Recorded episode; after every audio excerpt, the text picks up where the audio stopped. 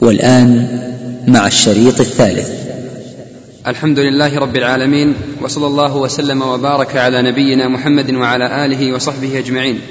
أما بعد قال الشيخ العلامة عبد الرحمن بن ناصر السعدي رحمه الله تعالى في منظومة القواعد الفقهية فإن تزاحم عدد المصالح يقدم الأعلى من المصالح. طيب. بسم الله الرحمن الرحيم.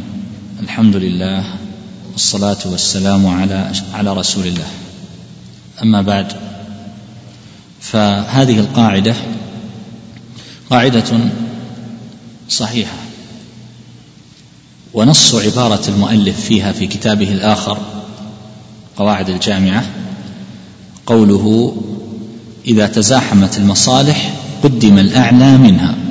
إذا تزاحمت المصالح قدم الأعلى منها. فنقدم الواجب على المستحب والراجح مصلحته على المرجوح. طبعا هذا الجزء الآخر هو تفصيل لها شرح توضيح. وإلا القاعدة هي إذا تزاحمت المصالح قدم الأعلى يقدم الأعلى. فهذه القاعدة لا شك في صحتها.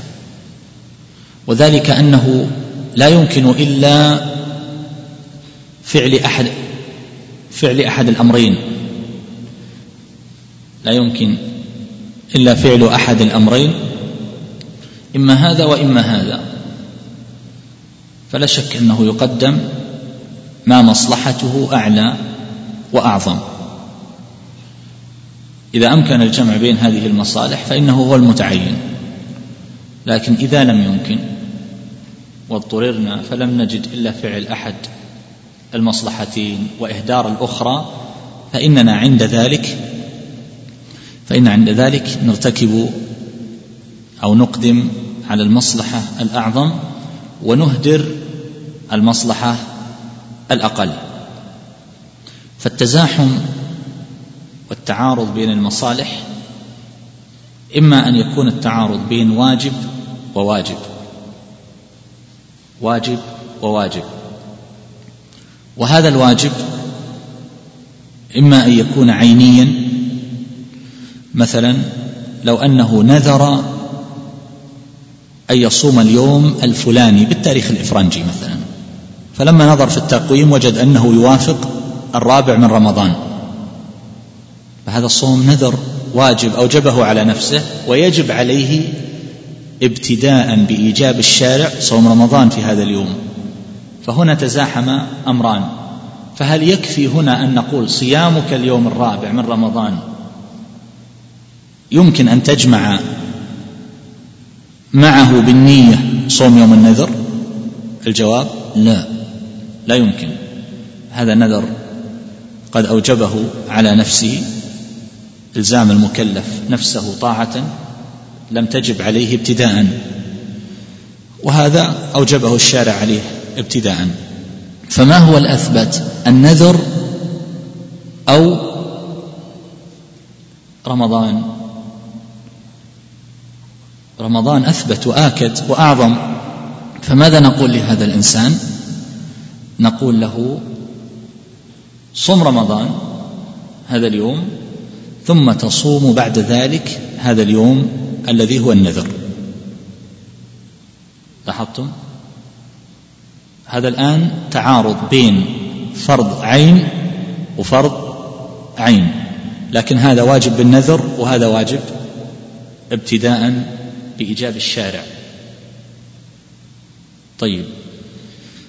قد يتزاحم فرض عين مع فرض عين فرض عين مع فرض عين كلاهما ألزم به الشارع وابتدأ المكلف به يعني ليس بنذر.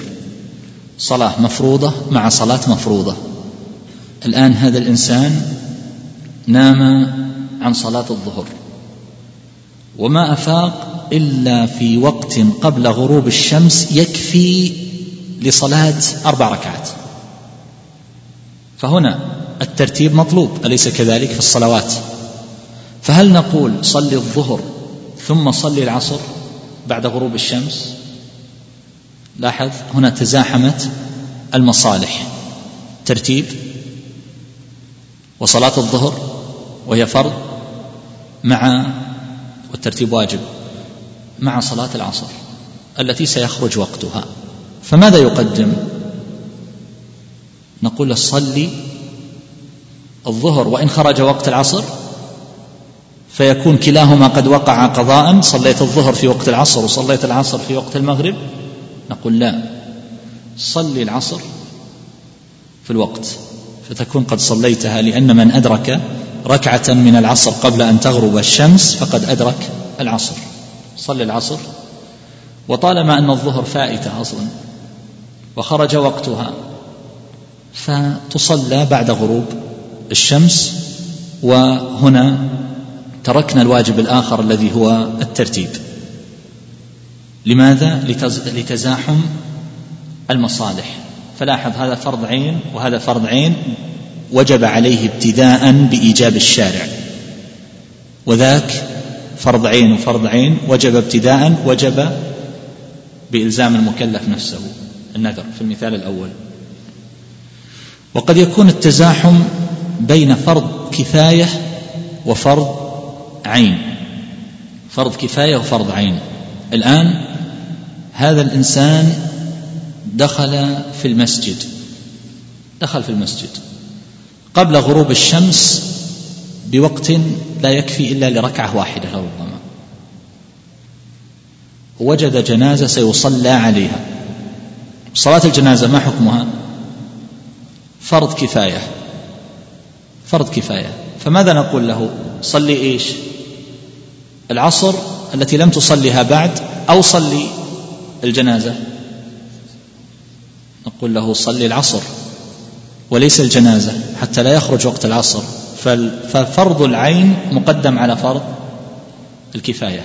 مع أن بعض أهل العلم يقولون إن فرض الكفاية أفضل من فرض العين لأنه قام به عن نفسه وعن الأمة أسقط عنهم التبعة. وبعض أهل العلم يقولون لا فرض العين آكد وأعظم لأن الله افترض على جميع المكلف المكلفين وهذا لفضله وجلالته. ولو قارنا بين صلاة الصلاة المكتوبة هذه التي صليناها وبين مثل صلاة الجنازة فلا شك أن صلاة الظهر أفضل وأعظم من صلاة الجنازة. فهذا تزاحم بين فرض عين وفرض كفاية. فرض العين أفضل وأجل وأعظم. فتزاحمت هذه المصالح. كذلك لو أنه ازدحمت عنده مصالح متعدية ومصالح قاصرة مصلحة قاصرة ومصلحة متعدية. هذا الإنسان يمكن أن يقرأ كتابا في هذه الساعة ويمكن أن يصلي أن يصلي ركعات. ولكن أحدا من الناس بحاجة إليه أن يذهب به إلى المستشفى أن يقضي له حاجة أو نحو ذلك. فهذا نفع متعدي. أو أن يعلم في هذه الساعة بدل ما يقرأ فيها. فأيهما أفضل؟ تزاحمت المصالح. ما عنده إلا ساعة.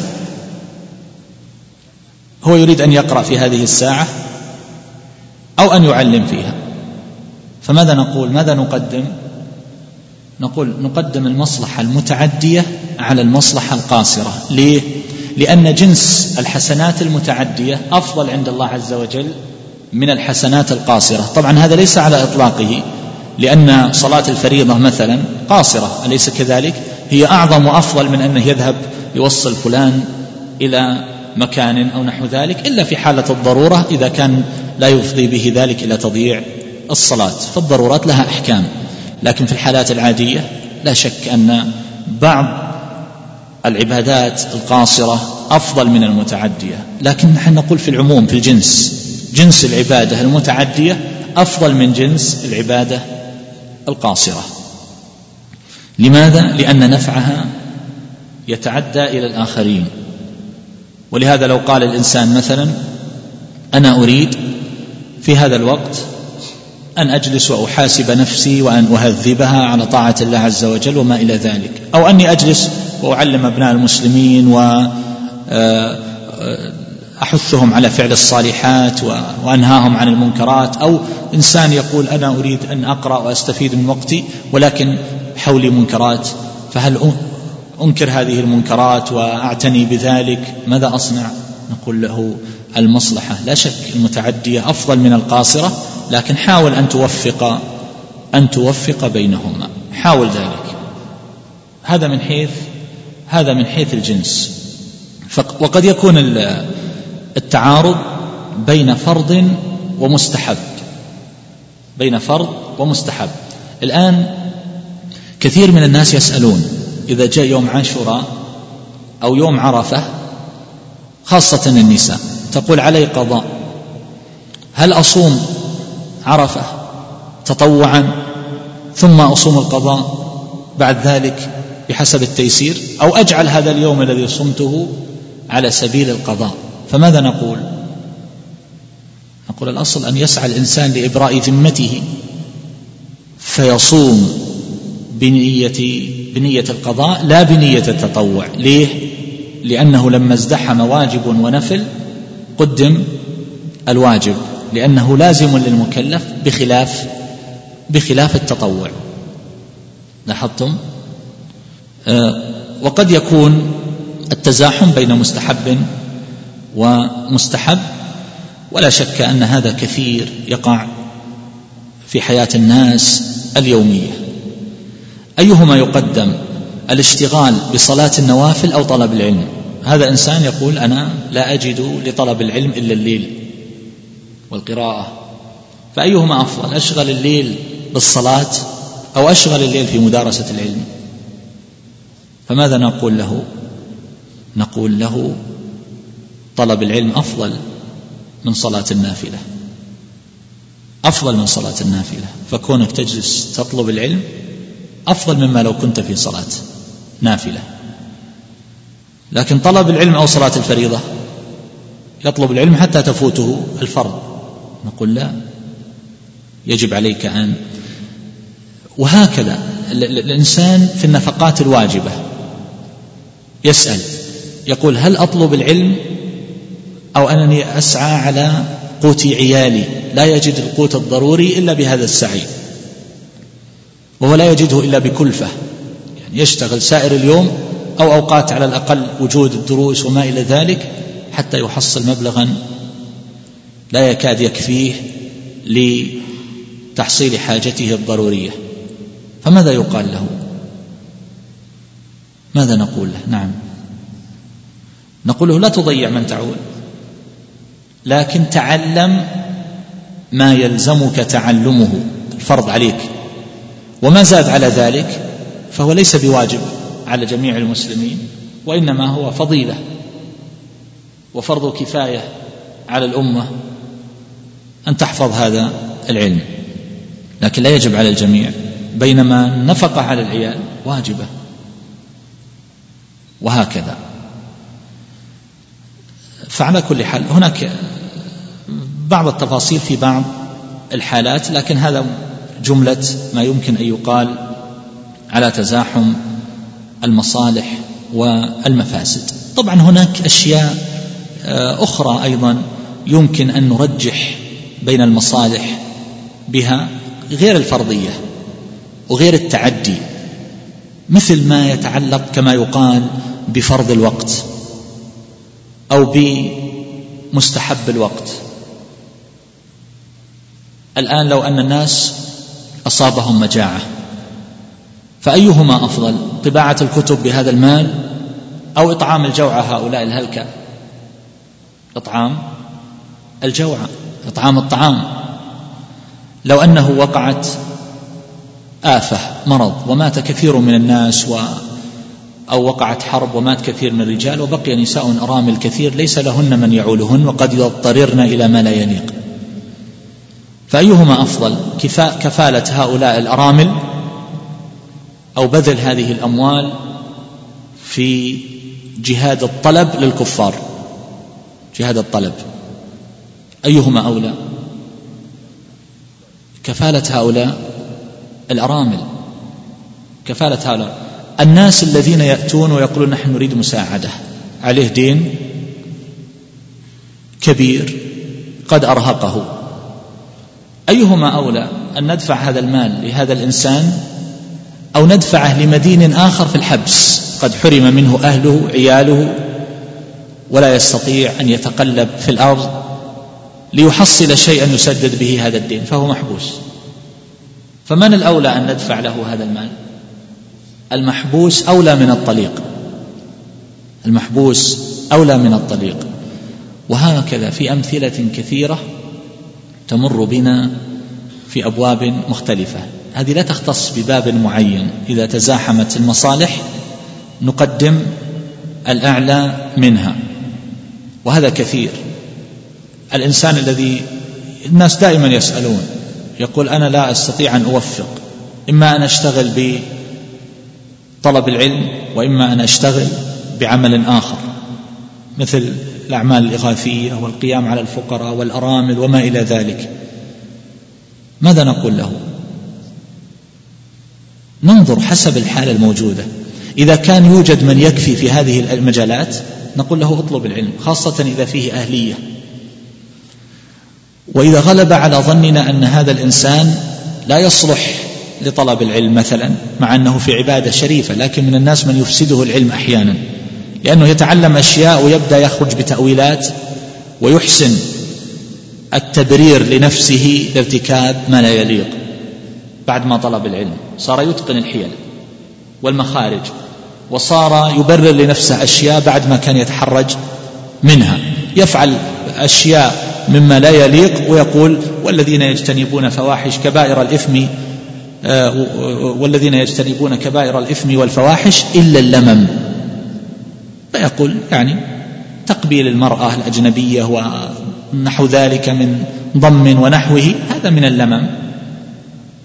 يتوب الإنسان وليس هذا من من من الموبقات ولا من هذا هذا مشكلة. هذا الذي أوصلك إليه هذا العلم بدل ما يورثك الورع الخوف من الله عز وجل. يقرأ اثرا أن ابن عمر كان يأكل وهو يمشي أو يشرب وهو يمشي ولا بعد ما كان يجلس وهو يأكل ويم وإذا شرب جلس بعد ما سمع هذا الأثر صار لا يبالي يشرب وهو يمشي ويأكل وهو يمشي وجاهز الرد عنده مباشرة بعد ما سمع هذا الأثر قبل ليلة أو ليلتين. فمثل فمن الناس من يفسده العلم لأنه لم يأخذه أخذا صحيحا. وهذا كثير رأيت نماذج وأمثلة حتى إنك أحيانا تقول ليتك ثم ليتك ما عرفت. فمثل هذا يصرف إلى شيء آخر ينشغل به لأن العلم قد يورثه بعض الأشياء والإشكالات ولربما حتى الشبه. يدرس أشياء لا تصلح لمثله ثم يبدأ يتشكك. لماذا يختلفون العلماء هذا الاختلاف؟ لماذا؟ أليس القرآن حق؟ أليست السنة حق؟ لماذا اختلفوا في عامة المسائل؟ ويبدأ يقع عنده أمور قد لا يدرك بعض الأشياء التي تخرجه منها. تحتاج تشرح له شرحا طويلا لماذا اختلف هؤلاء العلماء. فيضيق صدره بهذه الأشياء. بل بعضهم لربما ابتعد تماما عن الخير وأهل الخير. قال هؤلاء تبين لي أن عندهم اختلافات وعندهم وعندهم. لما حضرت في بعض الدروس والمجالس وما إلى ذلك. فصار ذلك. فالحاصل أنه ينظر في حال الإنسان وما يصلح له فيوجه إلى الأنفع بالنسبة إليه. هذا في حال تزاحم في حال تزاحم المصالح. وأحيانا آه، يكون تكون الاعتبارات راجعة إلى المكان أحيانا إلى الزمان أحيانا إلى الحال أحيانا إلى الشخص. أحيانا إلى الشخص. مثلا الإقامة في مكة والمدينة لا شك أنها أمر جيد. وأمر حسن. لكن لو كانت إقامته في مكة أو المدينة تشغل قلبه تشغل قلبه بحيث إنه لا يرتاح. لا يرتاح. الله عز وجل فاوت بين الناس فلا يستطيع أن يعبد ربه وهو مستريح. لو أنه سكن في مكة أو سكن في المدينة. بينما إذا رجع وسكن في قريته مستريح ويعبد الله عز وجل على راحة وطمأنينة فما هو الأفضل في حق هذا الإنسان المعين؟ الأفضل أن لا يسكن في مكة. وإنما الأفضل له أن يسكن في المكان الذي يستطيع أن يعبد الله عز وجل فيه وهو مطمئن. هذا الأفضل في حقه. الأفضل في العبادات ما هو الأفضل مطلقا؟ الأحسن كما قال شيخ الإسلام والشاطبي بأنه لا يحكم بحكم عام. فيقال الأفضل مطلقا في العبادات هو الجهاد. أو يقال الأفضل في العبادات مطلقا هو الحج المبرور. والأدلة متفاوتة في هذا. وهذا يدل على أن هذا التفاوت يدل على أن القضية لها مأخذ آخر. فإذا كان وقت الجهاد فالأفضل هو الجهاد. وإذا كان وقت الحج فالأفضل هو الحج. وإذا كان الوقت وقت الصلاة نادى المنادي للصلاة فأفضل العمل هو الصلاة. وإذا جاء رمضان فأفضل العمل هو صيام رمضان وقيام ليله وقراءة القرآن فيه. وهكذا. قراءة القرآن أو الذكر أيهما أفضل؟ نقول يختلف. الأصل القرآن لكن هذا يختلف. يوم الجمعة نقول اقرأ سورة الكهف. طيب والباقي؟ نقول أكثر من الصلاة على النبي صلى الله عليه وسلم. أي أفضل أن أشغل يوم الجمعة بقراءة القرآن في سائر نهاره وليلته أو أصلي على النبي صلى الله عليه وسلم؟ قل اللهم صل على محمد وعلى آل محمد كما صليت على وأردد ذلك. نقول الأفضل أن تصلي على النبي صلى الله عليه وسلم. ليه؟ لأنه تزاحم مستحبان فالألصق بالعبادة هو الأولى وهذا أحد الاعتبارات التي نرجح بين المصالح المتزاحمة الألصق بها. وكذلك في المفاسد كما سيأتي. الطواف قرب الكعبة أفضل لكن إذا كان الطواف قرب الكعبة يؤدي به إلى مزاحمة النساء. فما الأفضل في حقه؟ أن يصلي بعيد. ليه؟ لأن نعم. الآن من من الأمثلة الصلاة في سطح الحرم أو الصلاة أمام الكعبة في الصحن. أيهما أفضل؟ لا شك أمام الكعبة في الصحن. كل ما اقترب من الكعبة فهو أفضل. لكن هذا الإنسان يقول أنا لا أستطيع أن أصلي هناك خاصة التراويح لشدة الزحام.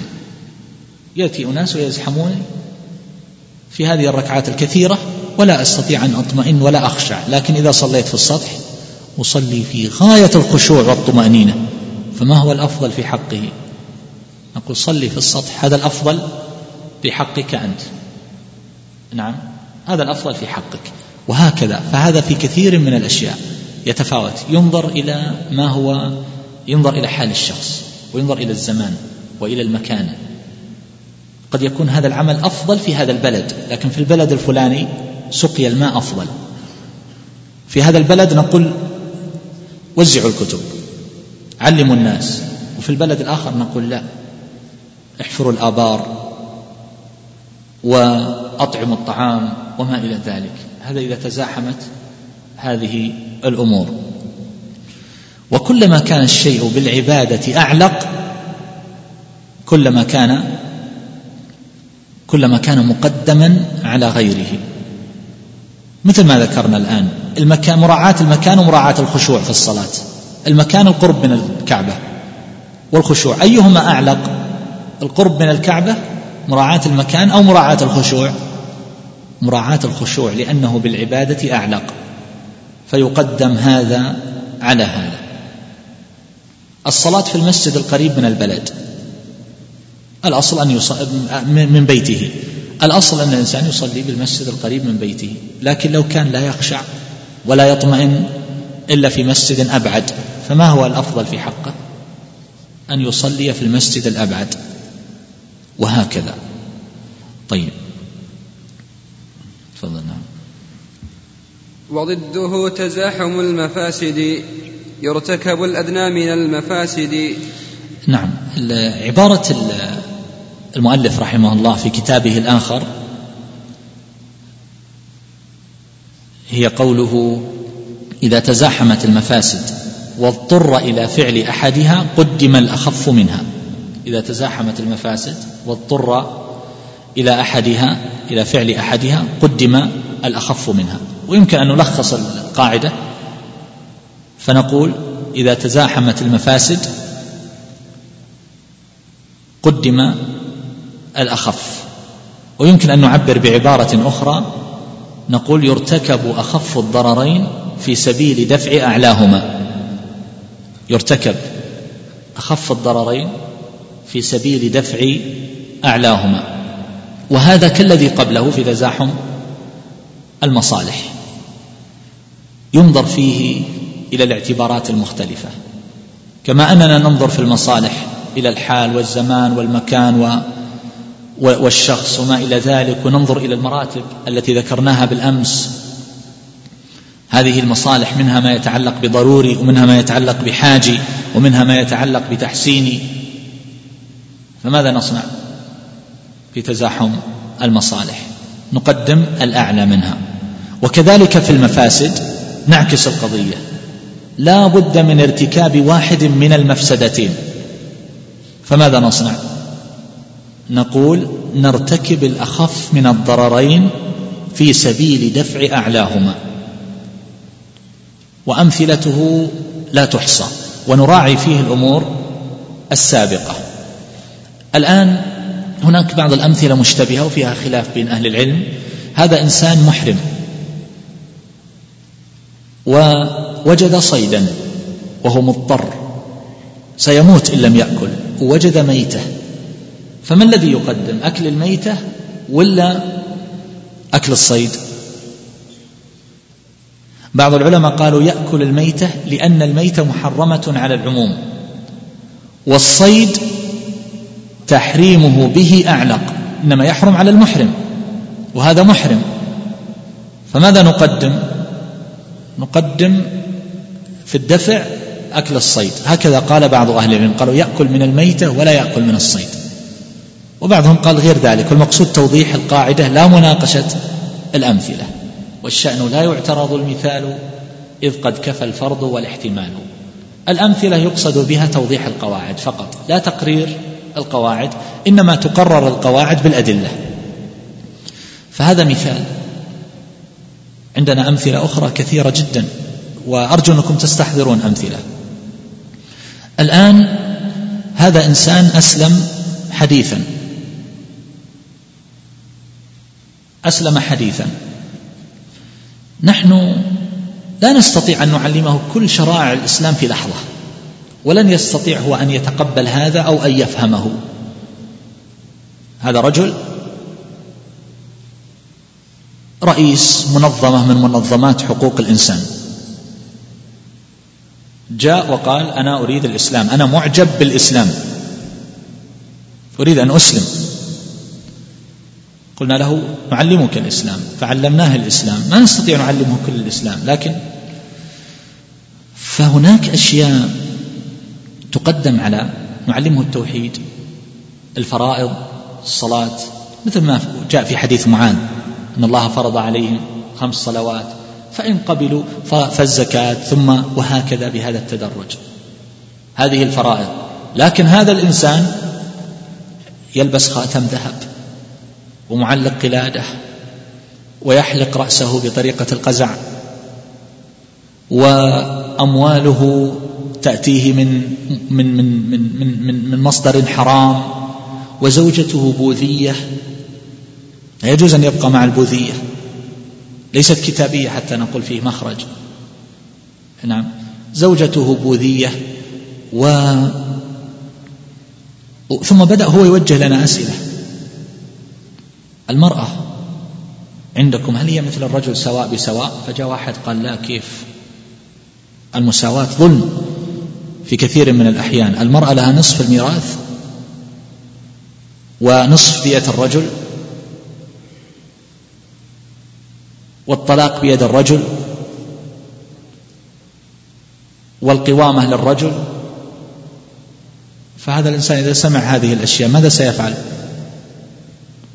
قلت له اطلع من عملك وافسخ الخاتم اللي عليك والقلادة اللي عليك وطلق زوجتك وأنت غير مختون تذهب الآن تختتن بأقرب مركز صحي. هو لن يحتمل هذا وبعض الأشياء لن يحتملها عقله وبالتالي نحن نرتكب أخف الضررين. ما هو أخف الضررين؟ أننا أن هذا الإنسان لا يرتد. هذا ضرر أعظم ويبقى بعض الأشياء لا نعلمها له الآن. نعلمها له في حينها. فلا ننكر عليه جميع هذه المنكرات وإنما نبدأ معه بالأهم. إن اللبيب إذا بدا من جسمه مرضان مختلفان داوى الأخطر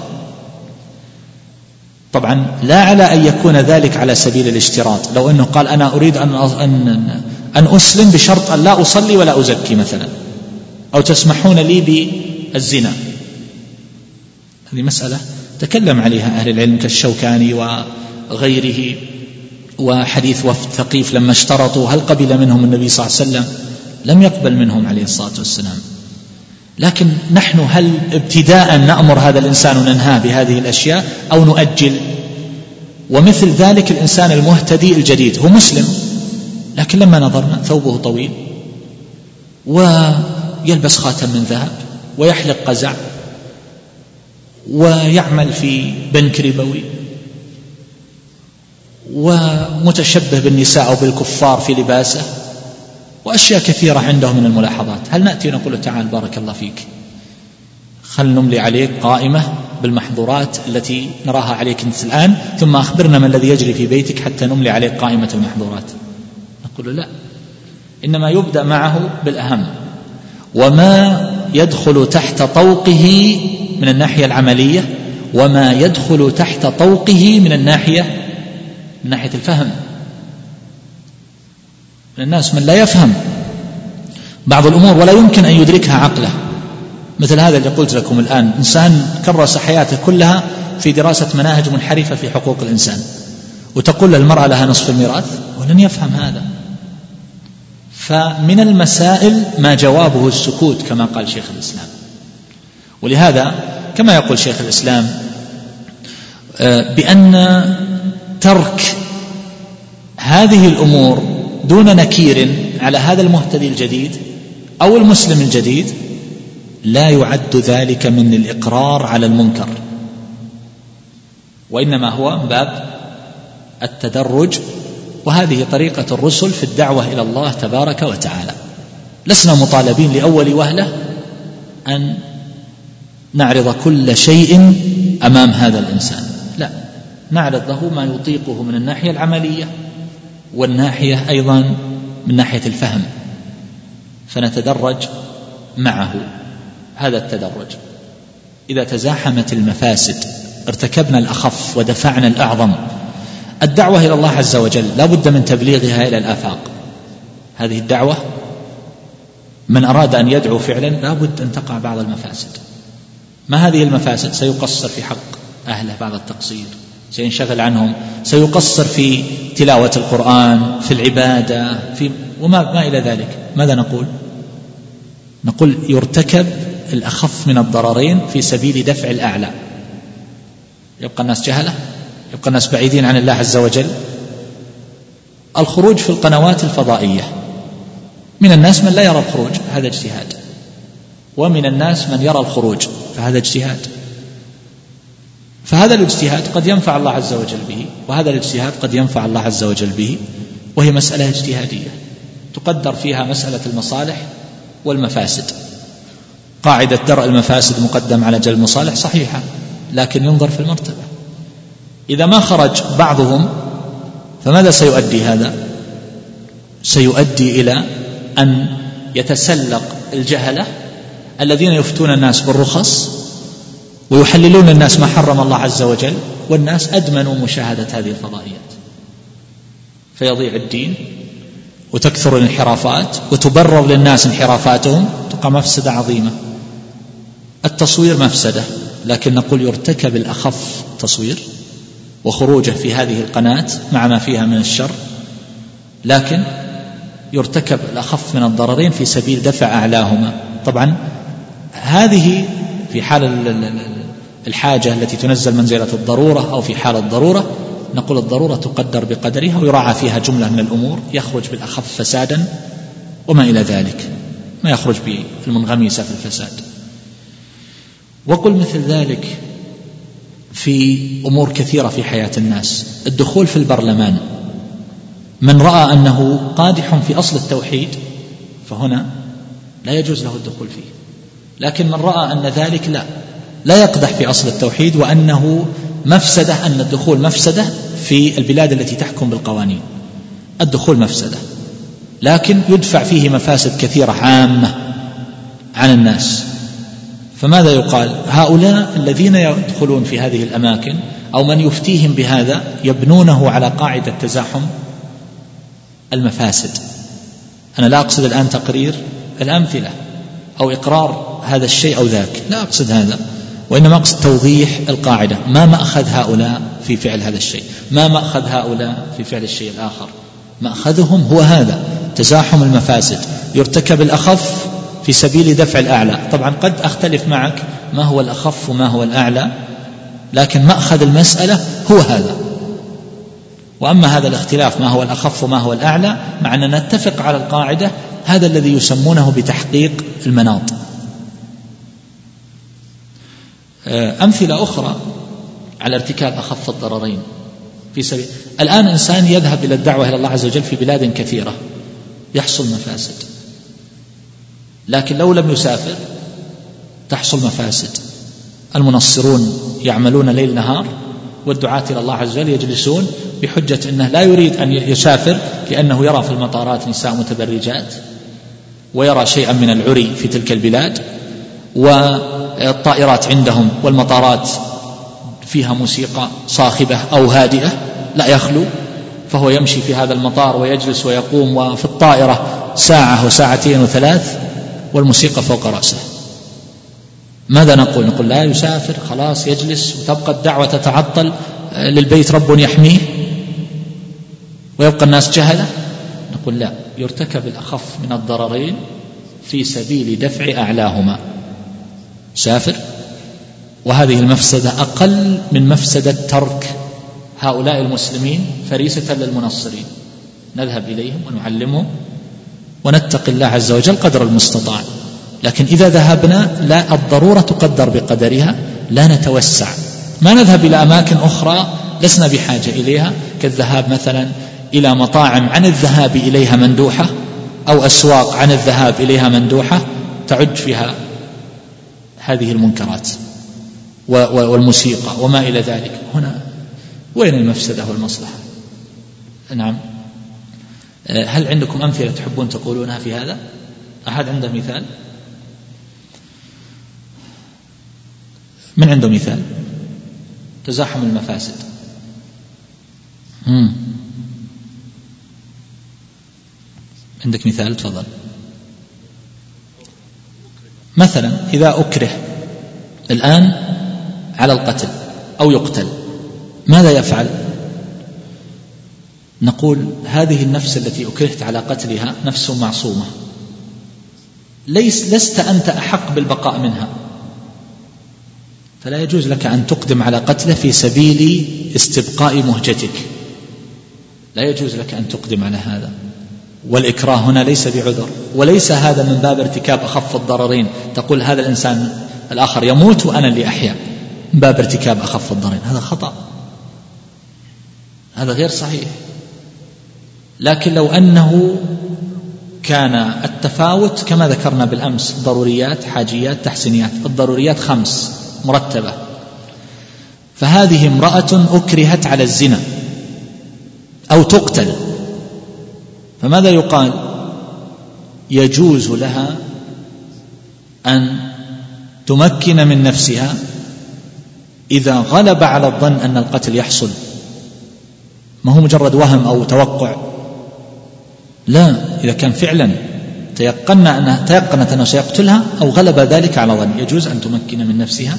ولو امتنعت فماتت فهي شهيدة بإذن الله عز وجل لأن من قتل دون عرضه فهو شهيد.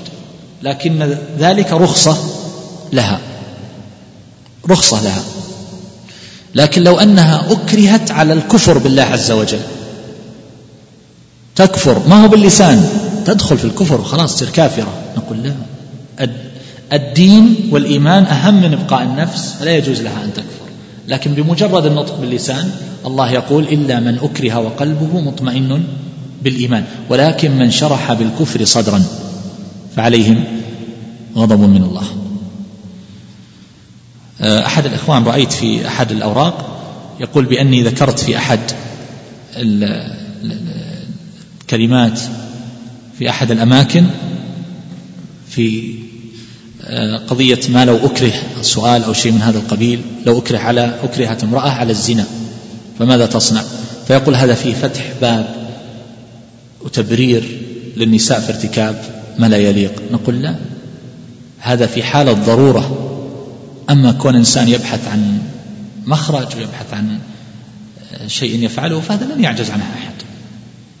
الذي يريد أن يعصي الله عز وجل لكن كلام في أصل المسألة لو غلب على ظنه أنه فعلا يقتل فإنه وهكذا. نعم. طيب. تفضل.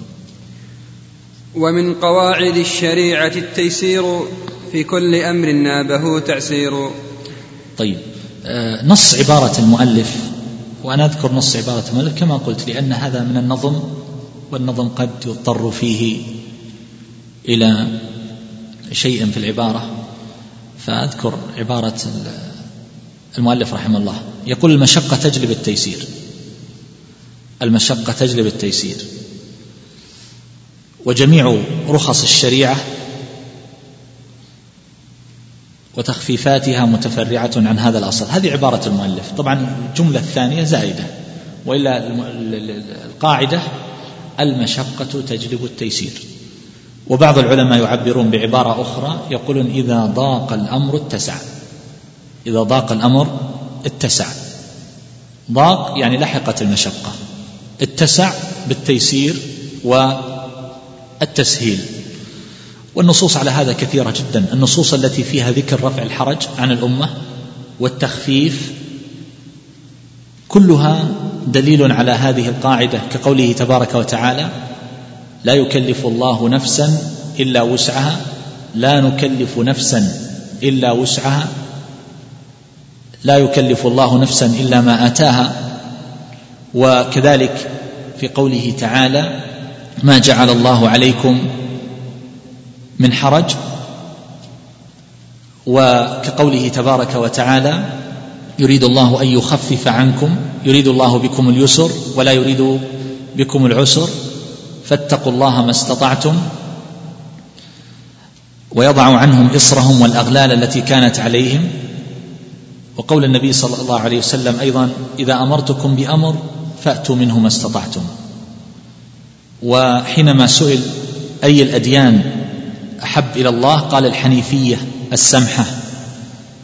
وكذلك في حديث ابن عباس قال صلى الله عليه وسلم إن خير دينكم أيسره.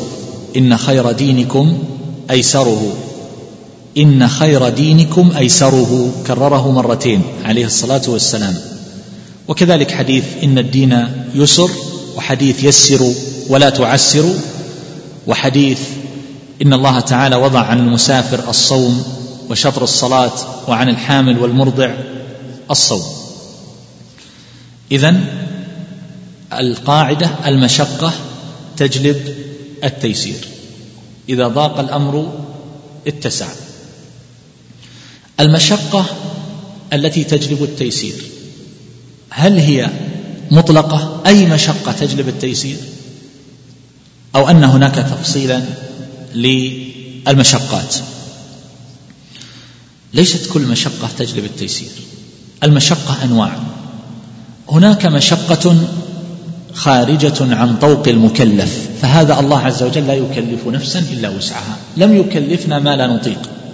ابتداء بمعنى لا يوجد في تكاليف الشريعة أشياء لا يطيقها الإنسان. الإنسان ما كلف بأن يطير بالهواء مثلا. فلا يوجد في الشريعة تكليف ما لا يطاق ابتداء على جنس المكلفين. لا أحد يطيقه. ولا يوجد فيها أيضا تكليف بما لا يطاق على احاد المكلفين. بمعنى الآن التكليف جنس التكليف الذي لا يطاق كالطيران في الهواء لا يوجد في الشريعة. واضح؟ وهناك تكليف ما لا يطاق على آحاد المكلفين لقيام العارض. مثلا إنسان مقعد نقول له يجب أن تقوم في الصلاة. يا ابن الحلال مقعد نقول له يجب أن تقوم في الصلاة. كيف يجب أن تقوم في الصلاة؟ لا يكلف الله نفسا إلا وسعها. فهذا من تكليف ما لا يطاق على من؟ على أحد المكلفين. لماذا؟ لقيام العارض وهو أن هذا الإنسان مقعد. وإلا فالأصل أن الإنسان يستطيع يستطيع القيام. فهذا لا يوجد في الشريعة إطلاقا. فالحاصل أن المشقات التي تلحق الناس إما لأن جنس العبادة لا يطيقها المكلف أصلا ابتداء وهذا لا يوجد في الشريعة أو هذا النوع لا يستطيعه بعض المكلفين لقيام عارض فالله لا يكلفهم بهذا. من لا يستطيع القيام في الصلاة فإنه يصلي قاعدا ومن لم يستطع يصلي قاعدا فإنه يصلي على جنب وهكذا. وقسم ثالث وهو ما لا يستطاع إلا بكلفة. لاحظ القسمين اللي قبله؟ لا يستطاع أصلا. لا يستطاع أصلا. القسم الثالث لا يستطاع إلا بكلفة كبيرة ومشقة عظيمة تؤدي به إما إلى الهلاك أو إلى زيادة المرض أو إلى تأخير البرء أو إلى طول المرض أو بحيث إن هذا الإنسان يحصل له ضرر معتبر. هذا الإنسان يعاني من مرض في رجليه. نقول له صلي قائما. يقول أنا أستطيع أن أصلي قائما لكنني أجد من العناء والعنت والألم ما لا يتصور. فماذا نقول لهذا الإنسان؟ نقول له المشقة تجلب التيسير صلي قاعدا. لاحظ مع أنه يستطيع أن يصلي جالسا. هذا الإنسان أجرى عملية في عينه قال له الطبيب لا تسجد ولا تركع وإنما بالإيمان هل هذا الإنسان يعجز حقيقة عن السجود والركوع؟ لا يعجز. يستطيع أن يسجد ويحصل اللي يحصل ولا لا؟ لكنه يؤدي إلى زيادة المرض أو تأخير البر أو عطب العضو. ذهاب البصر مثلا. فماذا نقول لهذا الإنسان؟ نقول المشقة تجلب التيسير تسجد وتركع إيماء. طبعا ستأتي قاعدة أخرى من عجز عن بعض العبادة وقدر على بعضها. ما هو معناه أنه يصلي على كرسي؟ قلنا أنك لا تستطيع أن تركع وتسجد لكن القيام ما شأنه وهو ركن. لماذا لا تقوم في الصلاة؟ فبعض العامة يتوسع في ذلك. نعم. فيصلي على كرسي والمشكلة وين؟ في العين.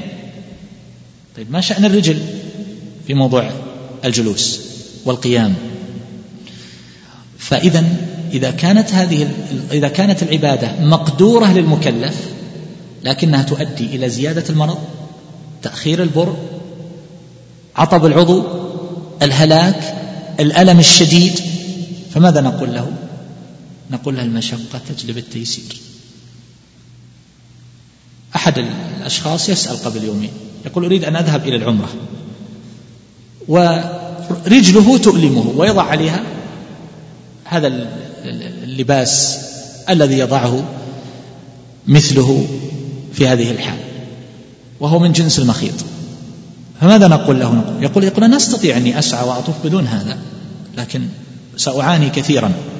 نقول له ضعه وليس عليك شيء. ضعه وليس عليك شيء.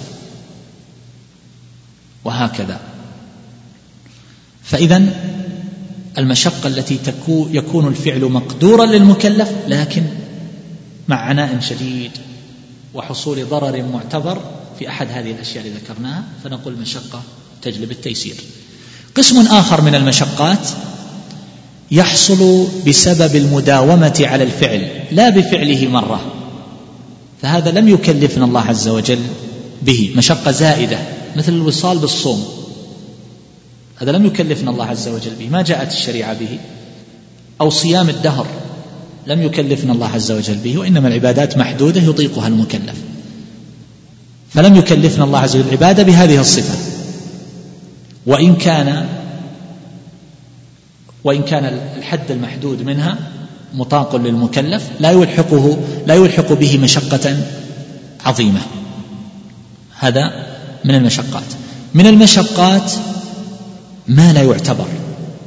ما هي المشقة التي لا تعتبر؟ المشقة المعتادة. إما لعارض يسير وإما لأن ذلك أصلا مصاحب للعبادة ولا تخلو منه. عارض يسير إنسان فيه وجع ضرس أو في شوية صداع ورمضان. ماذا نقول له نقول اليوم تفطر ولأنك يؤلم يؤلم يؤلمك سنك أو تعاني من شيء من الصداع يسير فتفطر في رمضان أو جرح أصبعه جراحة عادية فيقول أنا الآن مصاب. فهل نقول لهذا الإنسان يجوز لك الفطر؟ الجواب لا. المشقة المعتادة التي تكون مع العبادة الصوم مشقة. خاصة في الحر الشديد ولربما يصيبه شيء من الصداع والخمول والتعب والإرهاق وما إلى ذلك. فماذا يفعل هذا الإنسان؟ نقول هذا مشقة معتادة. لا يجوز لك معها الفطر في رمضان. لا يجوز الفطر.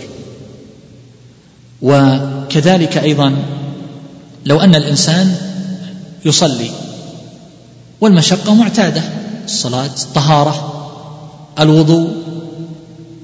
ما نقول لا يجب عليك حضور الجماعة لأنك والله تعاني من أثر يسير في رجلك. لكن لك لو كان لا يصل إلى المسجد إلا بكلفة عظيمة ومشقة فإنه يجوز يرخص له أن يصلي في بيته. وكذلك لو كان استعمال الماء في البرد الشديد وليس عنده ما يسخن به الماء يلحق به ضررا في الغسل الواجب أو في الوضوء فماذا نقول له؟ نقول تيمم. فتيمم. الله ما جعل علينا في الدين من حرج. لكن لو كانت البرودة ليست شديدة ولا تلحق به الضرر نقول له اغتسل.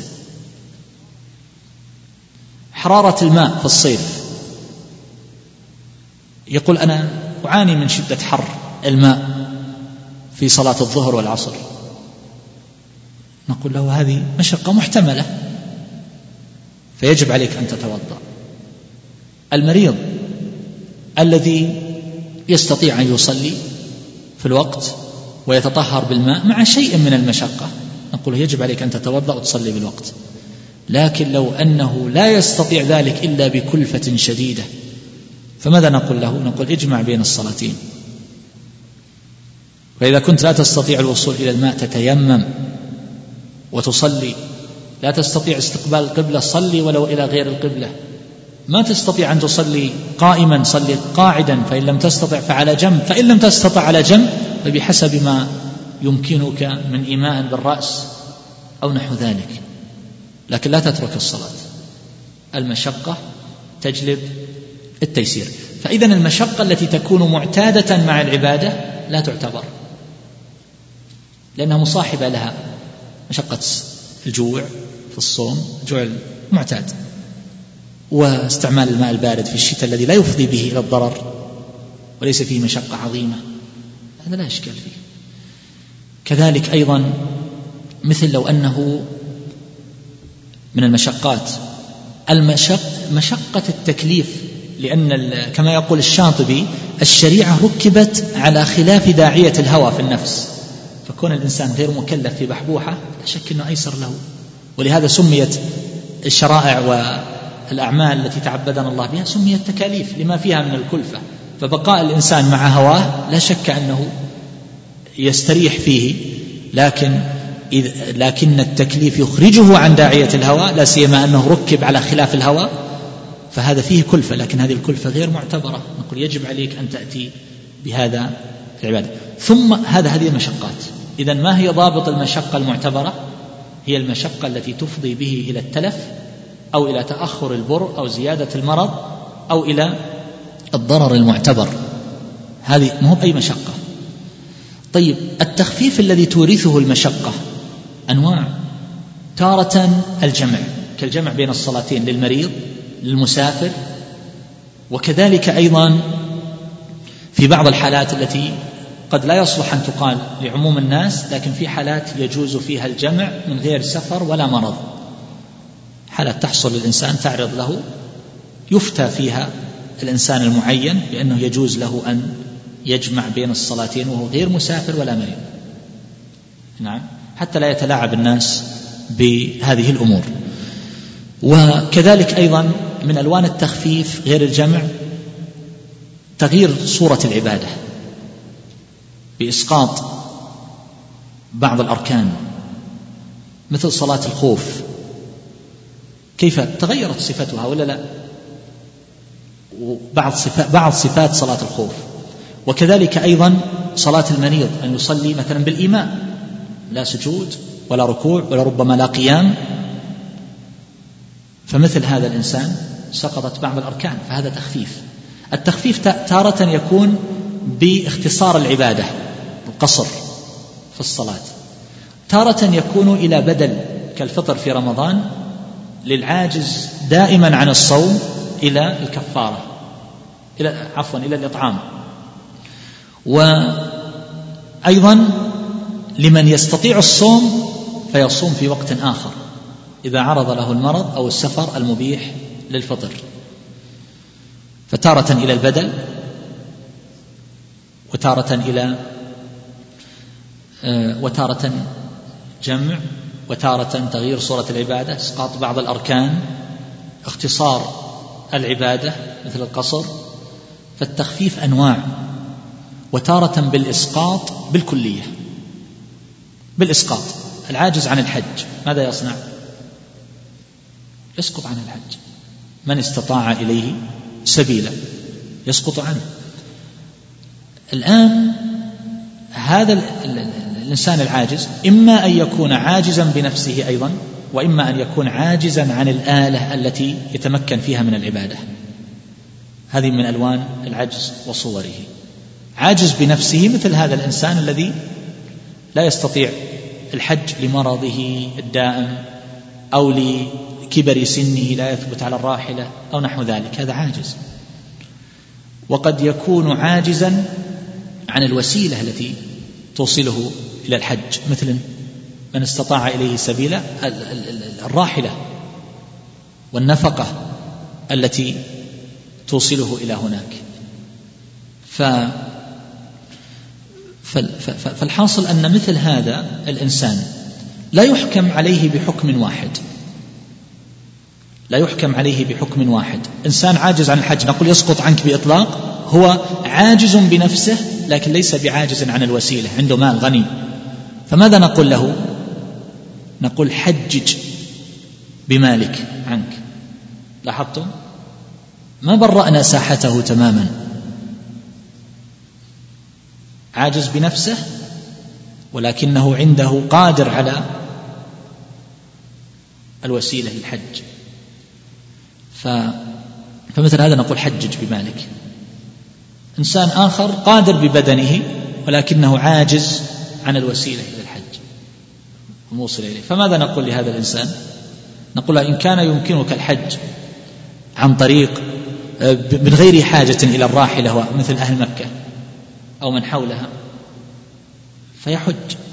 وإذا كان حجه يتوقف على الراحلة وما إلى ذلك نفقة فمثل هذا نقول له يسقط عنك. لاحظتم؟ فمثل هذه الأشياء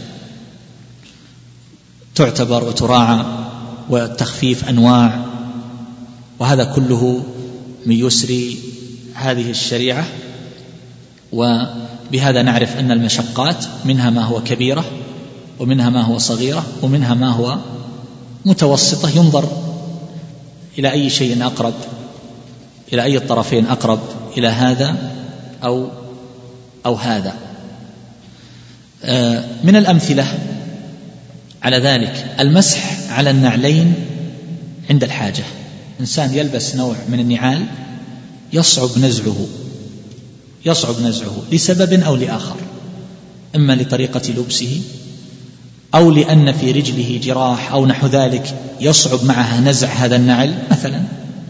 فماذا يصنع؟ نقول تمسح على النعلين تمسح على النعلين. ليه؟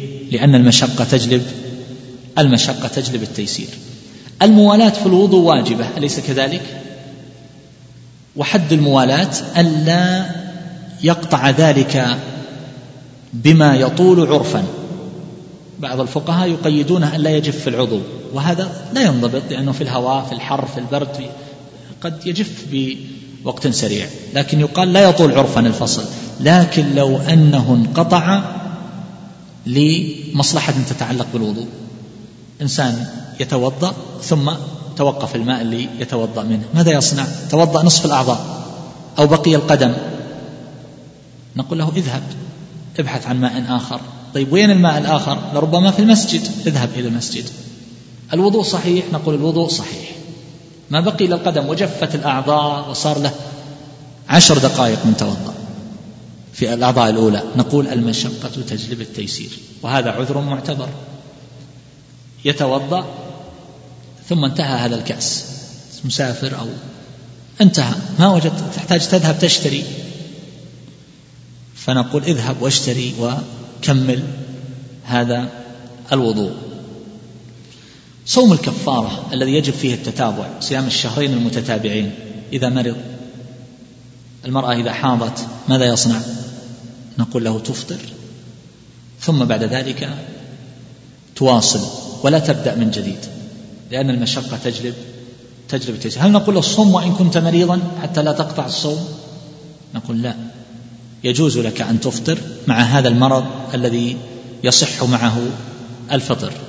الجبيرة هل يشترط أن توضع على طهارة مثل الخف؟ الآن هذه حالة طوارئ الآن هذا الإنسان صار له حادث وكذا. وين نجيبه اصبروا خلوا نوضيه أول عشان تحطوا له جبيرة. توضي إيش؟ خلي الرجال الآن ينقذونه. انكسر لاهية كل مرضعة عما أرضعت ومو متذكر لا وضوء ولا وله وقت صلاة. فوضعت له الجبيرة نقول لا لا اخلعها حتى تغسل ما تحت العضو. جواب لا المشقة تجلب التيسير. فلا يشترط في هذه الجبيرة أن تكون على طهارة وكذلك لا يشترط فيها المدة. لماذا؟ لأن المشقة تجلب التيسير. طيب هل يكتفي في اللفائف والجبائر أن تكون على موضع العلة فقط وما زاد؟ نقول إن كانت الزيادة لمصلحة كأن تمسك هذه الجبيرة أو اللفافة فلا بأس.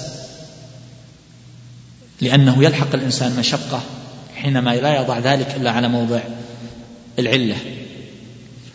آه، قل مثل ذلك آه، ما وسعه الشارع في صلاة النافلة في السفر.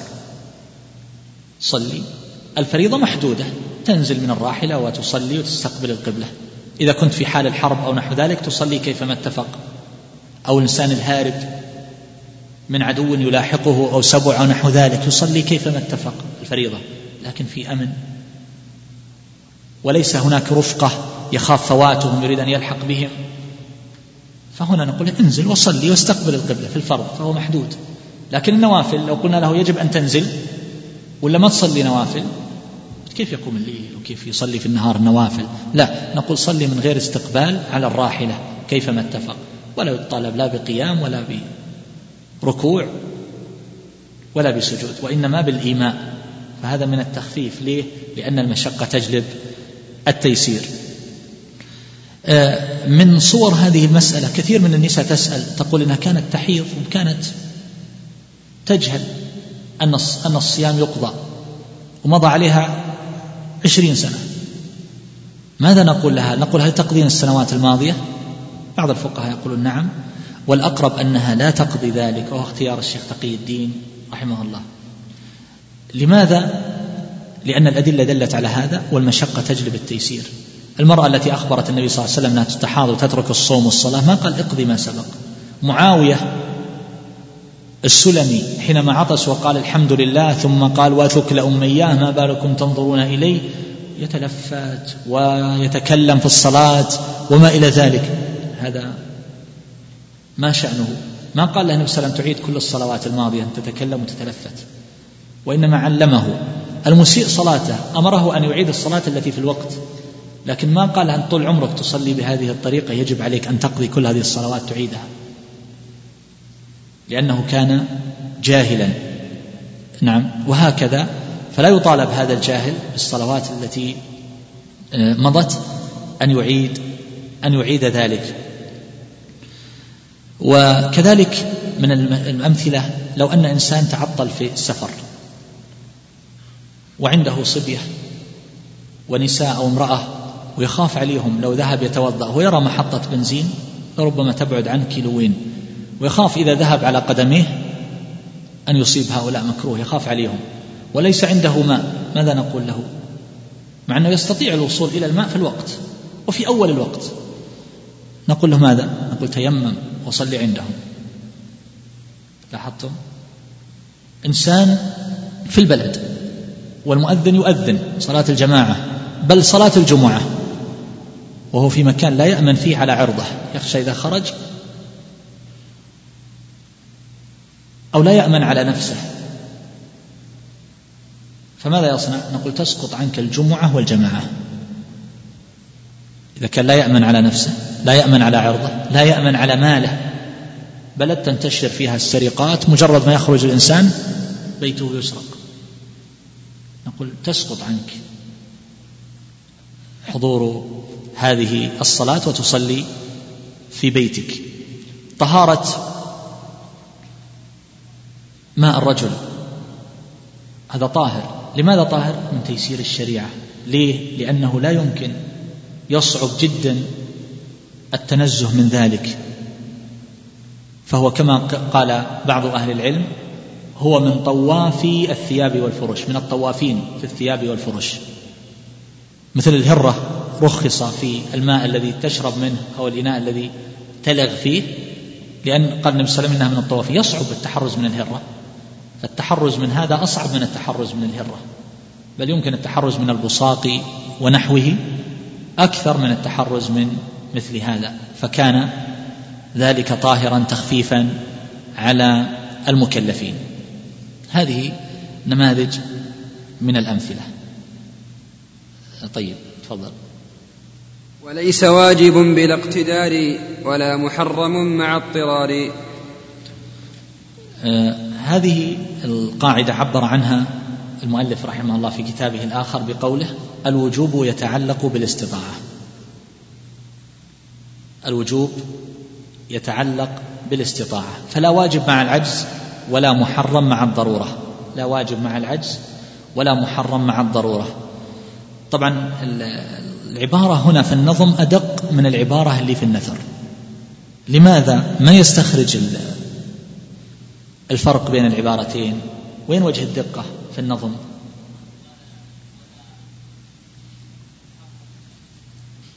تفضل. ها؟ لا.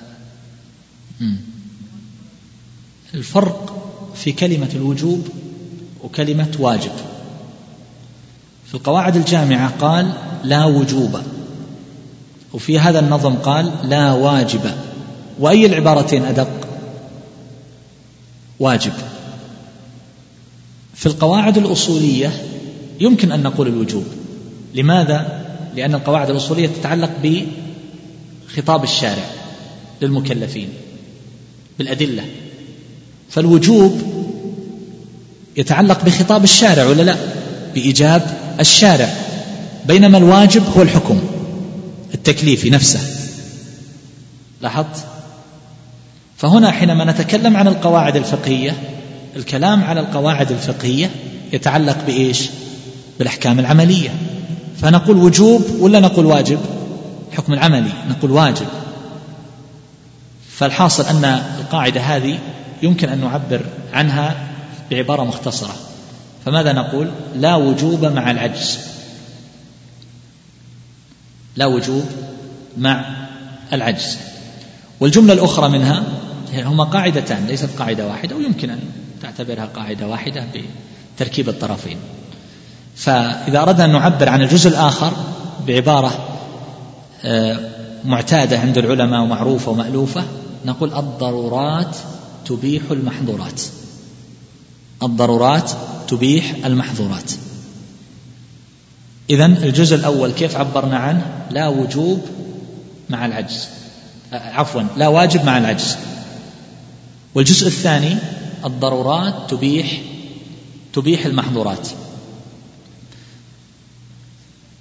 هذه القواعد هل لها علاقة بالقاعدة السابقة؟ المشقة تجلب التيسير؟ لها علاقة؟ نعم هي متفرعة عنها وداخلة تحتها. المشقة تجلب التيسير فيسقط الوجوب مع العجز وإذا حصلت الضرورة ارتكبنا المحظور بناء على إيش؟ بناء على أن المشقة تجلب التيسير. المشقة تجلب التيسير. آه، ما الأدلة على هذه القاعدة؟ يمكن أن نستدل بالأدلة السابقة التي تدل على يسر الشريعة وسهولتها ورفع الحرج عن المكلفين. فالله يقول فاتقوا الله ما استطعتم ولله على الناس حج البيت من استطاع إليه سبيلا. والنبي صلى الله عليه وسلم يقول إذا أمرتكم بأمر فأتوا منه ما استطعتم. حديث عمران بن حسين صل قائما فإن لم تستطع فقاعدا فإن لم تستطع فعلى جنب. اذا لا واجب مع العجز. وما ذكرته في شرح القاعدة السابقة والأمثلة التي عليها يكفي لتوضيح هذه القاعدة. عاجز عن القيام يصلي قاعدا. لاحظت؟ عاجز عن الصيام يفطر. سواء كان هذا العجز عجزا كليا لا يستطيع أن يصوم ابدا أو عجزا مؤقتا مريض اليوم ثم يستطيع أن يصوم وقتا آخر. وهذا العجز قد يكون عجزا حسيا أو عجزا حكميا. العجز الحسي مثل المقعد ما يستطيع يقوم. والعجز الحكمي يستطيع لكن بكلفة ومشقة كبيرة. فهذا في حكم العاجز حسا. يوجد مانع يمنعه من ذلك. فهو عاجز حكما. وإن لم يكن بعاجز حسا. فالعجز إما أن يكون حكمي وإما أن يكون حسي. مثل ما نقول في الأمر بالمعروف والنهي عن المنكر. العجز الحسي مثل لو أن الإنسان هذا لا يستطيع أن يتكلم أصلا هو أبكم. فلا يستطيع أن ينكر على هذا الإنسان بالقول باللسان. والعاجز الحكمي يستطيع أن يتكلم وأن ينكر عليه لكنه يلحقه ضرر معتبر لو فعل فيسقط عنه الوجوب. مثل الجهاد في سبيل الله. الجهاد في سبيل الله إذا كان فرض عين إما على جميع الأمة أو على معين. فهذا الإنسان إذا كان عاجزا عجزا حسيا مقعد لا يستطيع أن يجاهد. فماذا يصنع؟ نقول يسقط عنه. أو عاجز عجزا حكميا. لا يستطيع لأنه يلحقه ضرر معتبر. فنقول هذا عجز حكمي. نعم. ف فعلى كل حال آه هذا آه لعله يعني لا نطيل في هذه القاعدة على كل حال. والعجز كما سبق إما أن يكون بالبدن أو يكون عن الآلة التي يتوصل بها أو بوسيلتها أو بواسطتها إلى المطلوب. إما أن يكون عاجز عن هذا وهذا في نفس الوقت أو عن هذا أو عن الآخر. مثل الحج عاجز ببدنه قادر بماله. أو قادر ببدنه عاجز بماله. أو عاجز ببدنه وماله. إنسان مقعد وفقير. نعم. ونبقى مع الجزء الآخر. الضرورات تبيح المحظورات. هذه القاعدة كثيرا ما يحتج بها العامة. فهل هي على إطلاقها؟ كل ضرورة تبيح المحظور؟ أو أنه يراعى فيها بعض الأشياء. تذكر دائما في أبواب الترجيح تذكر الرسمة التي رسمت لكم بالأمس في مراتب شرائع الدين. ضرورات وحاجيات وتحسينات والضرورات على خمس مراتب. فالضرورات تبيح المحظورات الآن. هل هي على إطلاقها؟ الجواب لا ليست على إطلاقها. هذا الإنسان مريض. مريض. ويريد أن يذهب إلى الكهنة والسحرة والعرافين والمشعوذين ويقول إذا حلت الضرورة حل المحظور كما يقول العامة في كثير من الأحيان حلت الضرورة.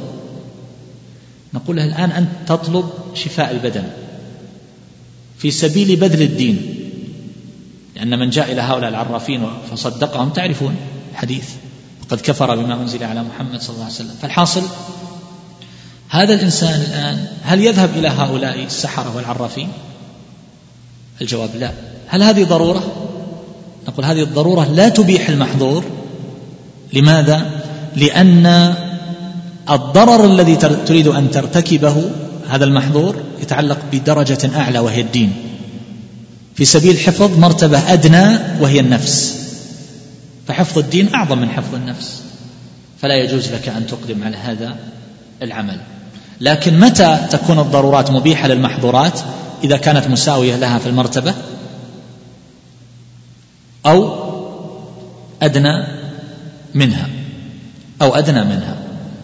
فهنا نقول الضرورات تبيح المحظورات. الضرورات تبيح المحظورات. وهذا أمثلته أمثلته كثيرة جدا. آه، من الأمثلة على هذا النوع الضرورات تبيح المحظورات؟ إذا اضطر الإنسان إلى أكل الميتة فماذا يصنع؟ يأكل من الميتة. لو أنه غص ولم يجد إلا خمرا. يدفع الغصة نقول الضرورات تبيح المحظورات.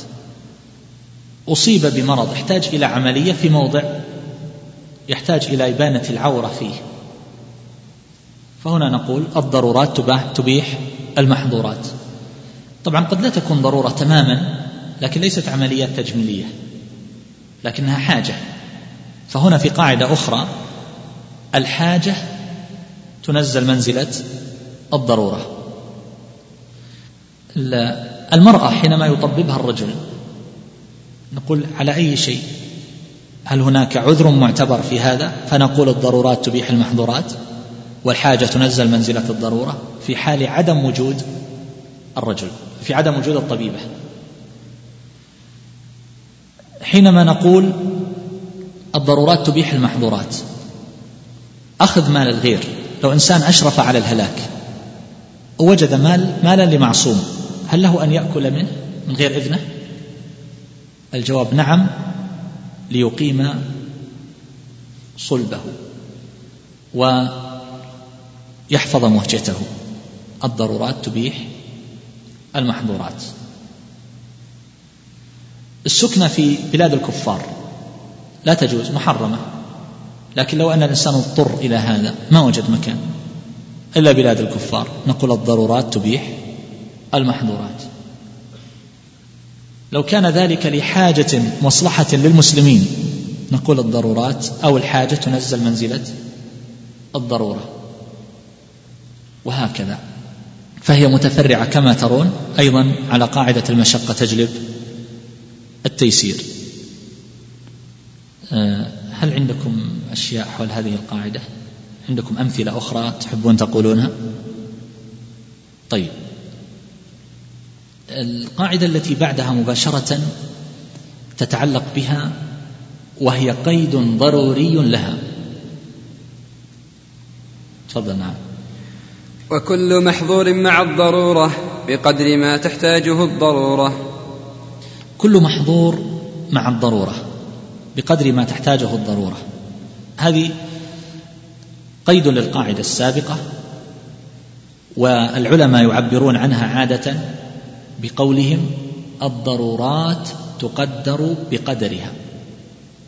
الضرورات تقدر بقدرها. القاعدة السابقة الضرورات تبيح المحظورات. فهل إذا باحت المحظورات يبقى الباب على مصراعيه؟ الجواب لا. الضرورة تقدر بقدرها. فمثلا هذا الإنسان ما الدليل طبعا؟ الدليل فمن اضطر غير باغ ولا عاد. فهنا يكون ذلك مغتفرا في حقه فلا إثم عليه. فمن اضطر في مخمصة غير متجانف لإثم. فإن ربك آه، فمن اضطر غير فمن اضطر في مخمصة غير متجانف لإثم أي مائلا إليه فإنه يكون بذلك مرخصا له بارتكاب هذا المحظور بهذا القيد. غير باغ ولا عاد غير متجانف لإثم. فهذا الإنسان مضطر الآن للميتة. أو مضطر ما وجد إلا خنزير. هل يأكل من هذا الخنزير؟ ما وجد أي شيء وإنما وجد لحم خنزير. وجد إنسان مار ومعه لحم خنزير. قال أنا أعطيك. منه فنقول الضرورات تبيح المحظورات لكن الضرورات تقدر بقدرها. فماذا يصنع بهذا اللحم؟ هل يجلس يصنع منه ألوان المشويات وال والمقليات وما إلى ذلك يتفنن فيه ويتلذذ؟ الجواب لا. هذا الإنسان اضطر سيموت من العطش أو يشرب شيئا من الخمر فوجد خمرا. فقلنا له يجوز لك أن تشرب لتدفع عن نفسك الهلاك؟ قال انتظروا خلوا أجيب كاس من نوع خاص وأجلس في مكان عند ماء وعند فنقول هذا هذا مو بحال مضطر. يشربها بنشوة وبفرح وباعتزاز وبانبساط وسرور. التصاوير حرام لكن قد يضطر الإنسان إليها. فهل معنى هذا أنه يتوسع إذا أراد يذهب إلى المصور بدأ يلبس غير اللباس اللي يلبسه ويتزين ويقف أمام المرآة فترة ينظر هل هو نقول لا الأصل أن تذهب بهيئتك الطبيعية العادية. مضطر.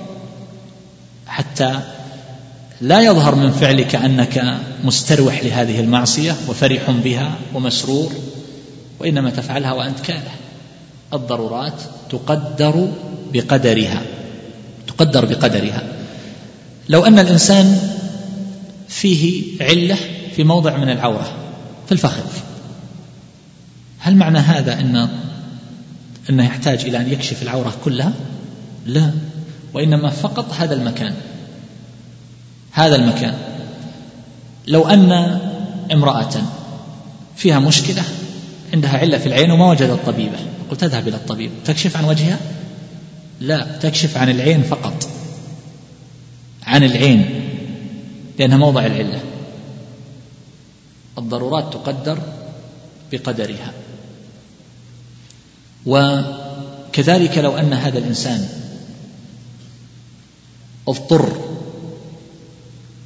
إلى أخذ مال من معصوم شيء من مال مال معصوم. فماذا يصنع؟ نقول يتوسع فيه؟ لا يأخذ بقدر ما يقيم صلبه.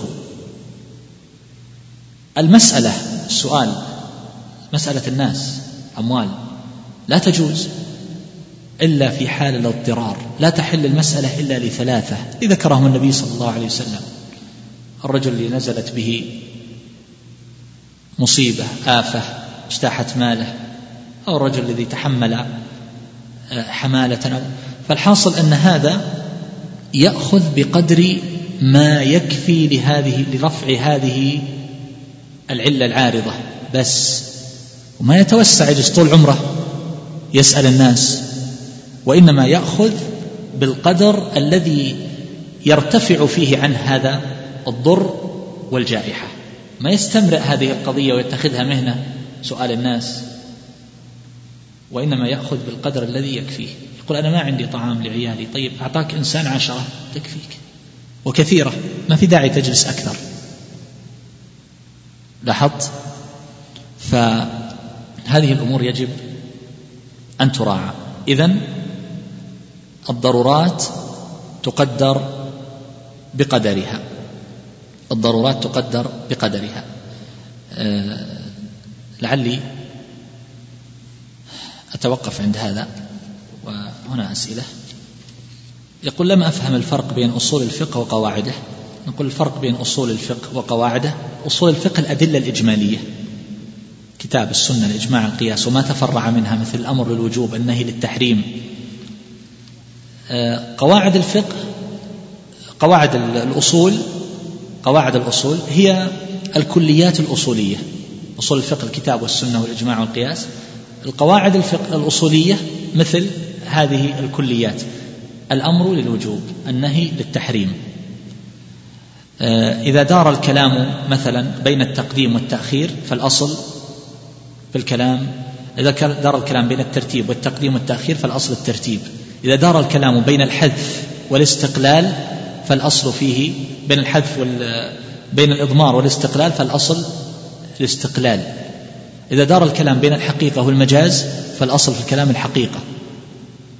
فهذه أشياء نتعامل بها مع نفس الأدلة. قواعد تتعلق بالأدلة. بينما القواعد الفقهية لا هي تضم الأحكام العملية مثل أصل الطهارة. الأصل في المياه الطهارة مثلا هذه آه، من الضوابط. هل بقاء المرأة في بيتها وسماعها لدروس العلماء على الإنترنت لظروف البيت والأولاد أو عدم وجود المواصلات يكتب لها أجر, أجر مجلس العلم ويكون على نيتها أم يكون سماعها كسماع أي شيء؟ لا يكتب لها. كما لو كونها تسمع من بعد كذا لو أنها سمعت في بيتها. آه، يقول شخص عند الميقات نوى أن يعتمر عن والده ثم لما دخل المسجد الحرام وقبل الطواف غير نيته لتكون عمرته عن والدته. فما الحكم؟ وقبل الطواف. هو الآن شخص عند الميقات نوى أن يعتمر عن والده ثم خلاص لما عقد النية عن الوالد لا يحول ذلك إلى الوالدة. لكن لو كان قبل آه، نية الدخول في النسك فلا بأس. شخص اهتدى وعمره 18 سنة وحافظ على الصلاة من هذا العمر. فما شأن الصلاة التي فرط فيها منذ بلوغ؟ يكثر من ال ال يتوب طبعا ويكثر من صلاة النافلة. يريد أن يصلي جماعة في المسجد لكن والدته الكبيرة سنا والمريضة تسأل عنه دائما وتبكي إذا خرج تريده بجانبها فهو يتخلف عن الجماعة في بعض الصلوات. نقول صلاة الجماعة واجبة ولا طاعة لمخلوق في معصية الخالق.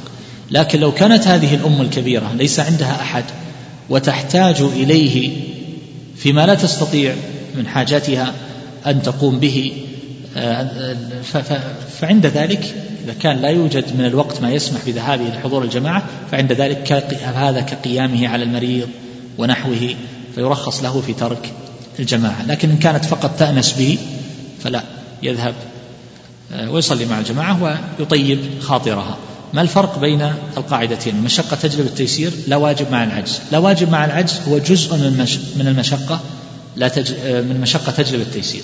المشقة تجلب التيسير أوسع من قضية لا واجب مع العجز لأن المشقة تجلب التيسير تتعلق بالحرام الذي يرتكبه الإنسان عند الضرورة. آه، تتعلق بأمور تبقى يبقى وجوبها على الإنسان المشقة على ينتقل منها إلى بدل. ينتقل منها إلى التخفيف آه، صورة العبادة آه، اختزالها ينتقل إلى آه، ما هو إلى تأجيلها وما إلى ذلك مثل الصيام.